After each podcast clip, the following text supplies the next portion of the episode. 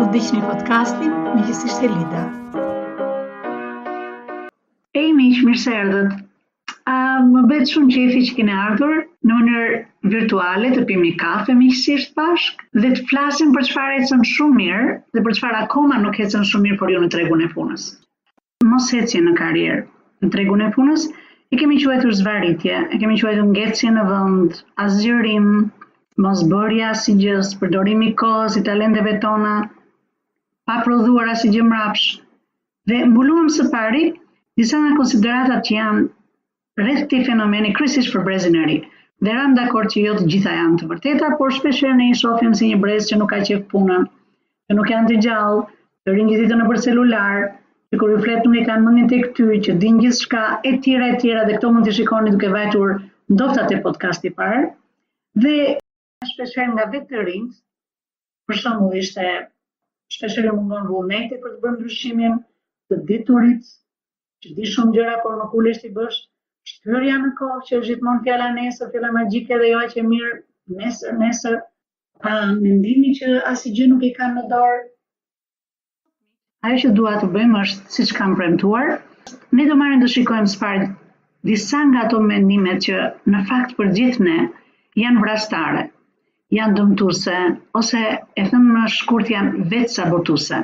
Vini re kur ka disa të rinj të reja që kur bisedojmë me ta, ti kupton sa të zgjuar janë, Por prap, nëse do flasësh me ta dhe të gjësh më thellësisht çfarë ka ndodhur, dhe çfarë janë ato mendime, të cilat në fakt në moment që i vënë në trurin e tyre, i drejtojnë më mbrapa që të kenë emocione dhe pastaj të marrin vendime, janë ato vendim, mendime që mund t'i quash janë me gjithë mend vetësabotuese. Për ta bërë më të qartë këtë, do marr të shikoj një nga mendimet, keni parasysh çfarë ndodh kur shumica pyet që jam në një ambient toksik, dhe ne do marrim këtë moment dhe do ta kalojmë nëpër hapa të, ve, të vegjël gjithë modelin e veprimit që është act, artikulo, komuniko, merr veprim dhe do shpjegojmë hap pas hapi çfarë duhet të bëjmë, çfarë duhet të shikojmë. Në fund fare do të kërkoj që të bëni një plan pune Dhe këtu në fakt më vjen për të qeshur se kushdo që punon me mua, gjithë klientët e dinë që në fund që mbarojmë është ok. Çfarë do të bëhet? Plani i punës për javën e ardhshme. Dhe arsyeja pse e them këtë sepse jam e bindur që në qoftë se do të shënojmë diçka në letër ose siç kemi thënë në në celularin tonë, ë vetëm kur ne do fillojmë të planifikojmë të bëjmë ndryshimin dhe kur fillojmë të marrim hapat, atëherë do fillojmë të shikojmë efektet e ndryshimit. Do t'ju lexoj një nga uh, mesazhet që mora nga një klientja ime, mbasi ka dëgjuar uh, podcastin e parë. Po, le të fillojmë. Siç thashë, kemi pasur shumë njerëz, sidomos të rinjë, të cilët vinë nga tregu punës dhe janë ky, kjo kategoria që janë edhe shumë të zgjuar, që janë edhe shumë të shkolluar, dhe disa prej tyre gjatë viteve të shkollës kanë arritur që të kenë edhe suksese për të gjetur një praktikë pune. Dhe ajo që kemi vënë re është në momentin që ne fillonim të punonim, një problem të madh që ne vinim re ishte që ata kishin dhe këtu doli nevoja për atë mjet që ne përdorim, për atë mekanizëm ndihmues që mund të sjellë ndryshimin në njerëzit që është act ose as articulate, communicate, take action, pra artikulo, çfarë kërkon, komunikoje, mëso si ta komunikosh në tregun e punës dhe merr veprim, act. Ajo që kam vënë re, mund të them se vështirësia më e madhe që kam pasur në zbatimin e programit që është program stërvitor për tregun e punës ose program trajnues për tregun e punës është dhe këtu është ajo që unë e quaj një zvaritje apo një shtytje apo një shtyrje e gjërave, jo shtytje, po shtyrje e gjërave për më tej, për më tej, për më tej. Në fakt, duke përdorur programin e trajnimit për tregun e punës dhe duke përdorur këtë mjet, që është act dhe pro, unë kam parë që kjo ka pasur rezultat dhe këtë dua ta ndaj me ju. Nuk mund të them që ka një përgjigje një masë për të gjithë. Të besoj që kam gjetur atë formë se si personi mund të dalë në tregun e punës paralelisht duke rregulluar gjërat në jetë, balancën punë-jetë, uh, prindërimin, ndaj shpeshherë do t'i kthehemi këtyre gjërave. Mund të marr një rast për shembull. Le të themi që unë nuk kam asnjë gjë në kontroll dhe ndërkohë jam në një ambient toksik në punën që jam. Le të fillojmë, çfarë, cili është mendimi që ti ke në kokën tënde. E para fare, ti mendon që nuk ke asnjë gjë në kontroll. Pyetja që bëjmë ne, okej, okay, mbasi është bërë një inventar dhe kemi parë cilat janë aftësitë që ti ke, cilat janë interesat, cilat janë vlerat, Pyetja që ne bëjmë është, ok, a është e vërtetë që ti nuk ke asnjë gjë në kontroll aty ku ti je? Në qoftë se ti mendon që ambienti është toksik, realisht, cila është a, një element që me gjithë mend ta bën që në momentin që çohesh në mëgjes për të vajtur në punë, ti mendon ku do vete. Dhe mund t'ju them në praktikë, më ka ndodhur në një rast, ka qenë një punë për 6 muajsh, kur në mëgjes, kur shkoja, shpeshherë i thosha bashkëshortit, më nxirr nga makina se nuk dal për të zbritu për të vajtë në punë. Realisht, ajo që jam duke thënë është, ne duhet të vëmë, duhet ta bëjmë shumë specifike. Çfarë është gjëja që në fakt ne na bën të mendojmë e, e bën toksika të bën punën. Në këto gjëra që kemi atje, cilat janë gjëra që kemi ne në kontroll, dhe cilat janë gjëra që ne nuk kemi në kontroll. Dhe në varësi të kësaj do marrim të shohim për shembull që atë gjë që kemi në kontroll është vetja jonë, totalisht sjellja jonë. Përdorimi i gjithçka që ne kemi, që janë aftësitë tona, që janë vlerat tona, përdorimi, vënia në praktikë e këtyre, të komunikuarit e këtyre nëpërmjet sjelljes sonë, automatikisht kjo do bëj që njerëzit të kenë mundësi, të kenë mundësi ta marrin ta vënë, ta vënë këtë gjë në jetë. Domethënë, nuk ke në dorë uh, sjelljen e dikujt tjetër, po ti ke sjelljen tënde. Një përshkrim detyrash, që duhet ta bësh, Atëherë pyetja që kam është ok, sikur të kthehemi tek detyra që ti ke të bërë, që ti ke për të bërë, sikur të shikojmë atje se sa e aftë apo i aftë je ti për ta bërë këtë gjë? Dhe në rast se ti ke vështirësi për të zbatuar detyrën për cilën ti paguhesh, atëherë le të themi që realisht në fakt ti duhet të merresh me përmirësimin e performancës tënde.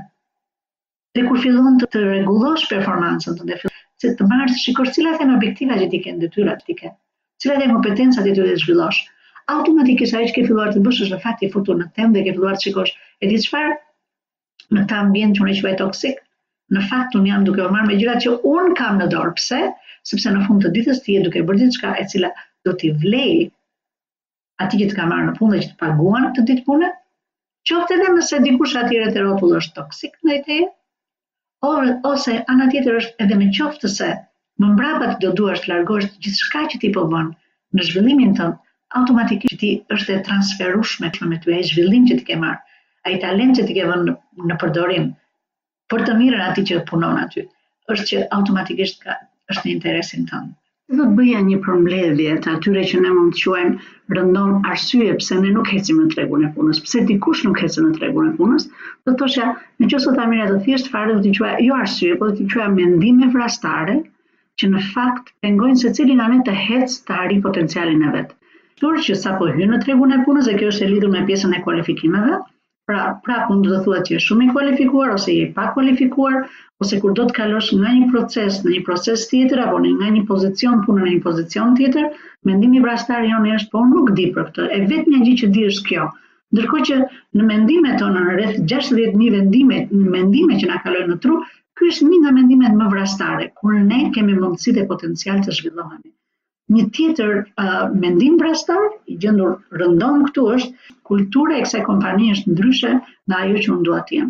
Po, është um, një gjë që ti e shikon si një ambient toksik në cilin ti nuk mund të performosh, nuk mund të ecësh, ose do fillosh të shikosh brenda vetes kush je ti, cilat janë gjërat që ti do të ndryshosh dhe duke i ndryshuar ato automatikisht do ndryshojë dhe qasja jote ndaj këtyre problemeve.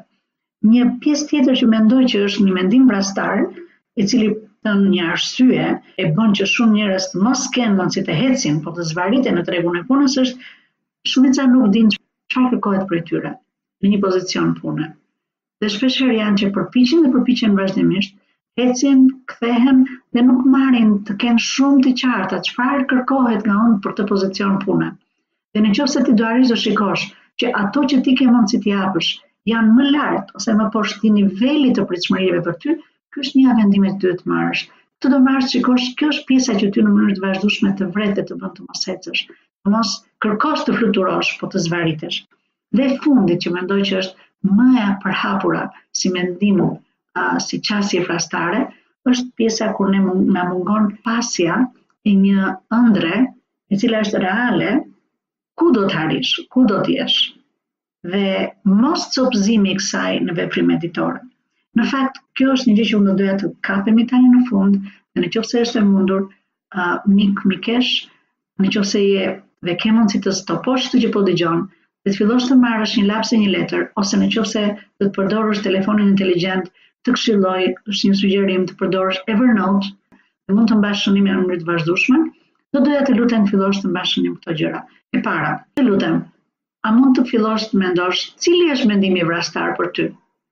Cili është ai mendim që ti mendon të pengon që të thuash po, unë mund të dua të eci më përpara, unë do dua të eci më përpara. Kjo është e para. Dhe e dyta, të lutem, a mund të fillosh ndofta në dy tre ditë të ardhshme, të fillosh të shkruash sa herë ulesh e mendon, cili është, të themi, uh, ai vend që ti do doje që të ëndërroje ta kishe në tregun e punës. Çfarë do të ishte? Dhe këtu do të thoshja dy ose tre hile të vockla. Hileja e parë është kjo. Mos u nis nga dua, për shembull tani, unë dua të marr të bëhem balerin. ajo që unë do të kërkoj për shembull realisht po flas për veten time, do duhet të marr të shikoj ku jam dhe ku dua të arrij. Dhe ajo që do të thoshja fillimisht, të lutem, në qoftë se do të shkruani për pozicionin e ri të punës, apo vendin ku doni të kërceni të arrini, jo të zvarriteni, Ju lutem shkruani në shtatë tetë pika, por më premtoni që katër pikat e para do t'i keni gjëra që i keni tashmë të arritura.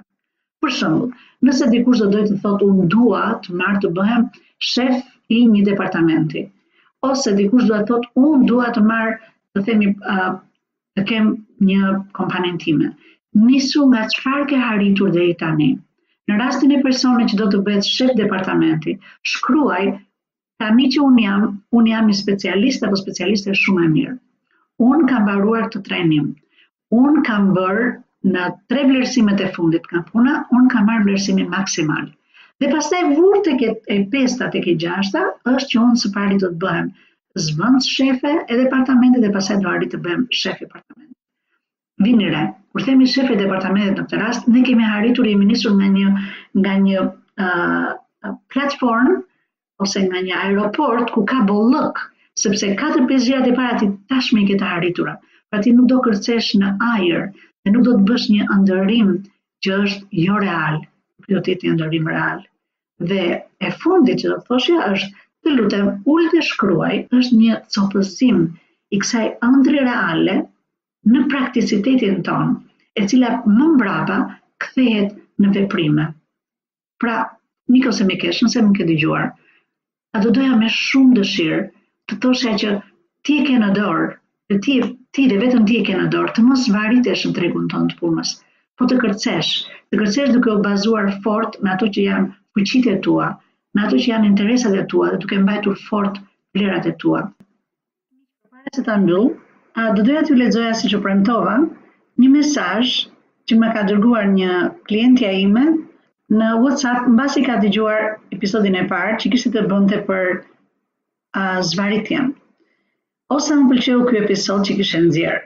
Ke treguar realitetin tonë në tregun e punës.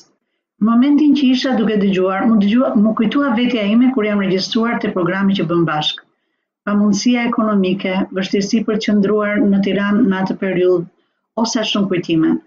M'u kujtua kur takuam drejtorin e tre pika, sepse është një nga bizneset, për t'u punësuar, kur shkova për të dhënë intervista në ambasadë, është pa emër, për sekretare, kur aplikova në tre pika dhe të gjithat përgjigje ishin negative.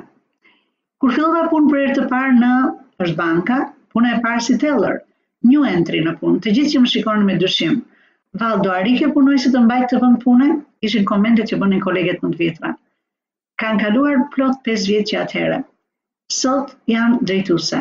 Ishte kënaqësi që kujtova këto kujtime dhe sigurisht me shumë mundim, me shumë konkurrencë dhe pak nga pak dhe me shumë gabime që kam bërë, me ulje ngritje arrita ku jam sot. Thjesht kam mbushur sytë me lot kur iu ktheva këtyre kujtimeve. Falenderoj Zotin që jam ku jam sot, me shpresën që çdo ditë do të bëhem më mirë. Të falenderoj. Dhe unë të falenderoj e dashur. Ndërkohë do doja t'ju thoshja miq, do të shifemi prap në temën tjetër së bashku. Deri atëherë ju uroj gjithë të mirat. Miqësisht Elida. Nëse ke arritur deri në fund të videos, kjo do të thotë që ti je një ndjekës i ynë i rregullt dhe ke interes në gjërat që ne bëjmë. Nëse është ky rasti, ju lutem më kontaktoni. Ne mund të futemi shumë mirë në një nga programet e mia dhe të marrim të shikojmë çfarë është gjëja që të bën më shumë mirë ty në momentin që ti je në kryqëzimin e karrierës ku ti je, në ecjen që ti ke bërë. Dhe jam e bindur, jam e bindur që ti mund t'i bashkohesh një armate të madhe njerëzish të suksesshëm me të cilët ne punojmë. Prej të cilëve ne në mënyrë të vazhdueshme secili nga ne mëson, por jo vetëm kaq.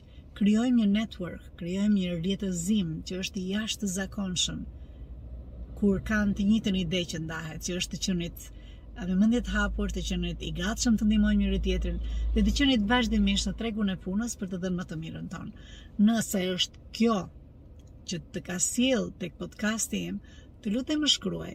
Të lutem është shumë e kollaj të më gjesh, ndofta në Facebook me Elida Motro, ndofta në Instagram që është Emi Coaching and Consulting e gjeni kollaj fare, ose dhe në YouTube. Mundësitë e lidhjes janë të jashtëzakonshme. Mundësitë nga të cilat ju do përfitoni nga kjo lidhje nuk kanë të bëjnë me mua, por kanë të bëjnë me gjithë rrjetin e njerëzve me të cilët unë bashkëpunoj. Uroj të shoh nga brenda programeve të MCC. Ju uroj gjithë bekimet e Perëndisë. Miqësisht Elida.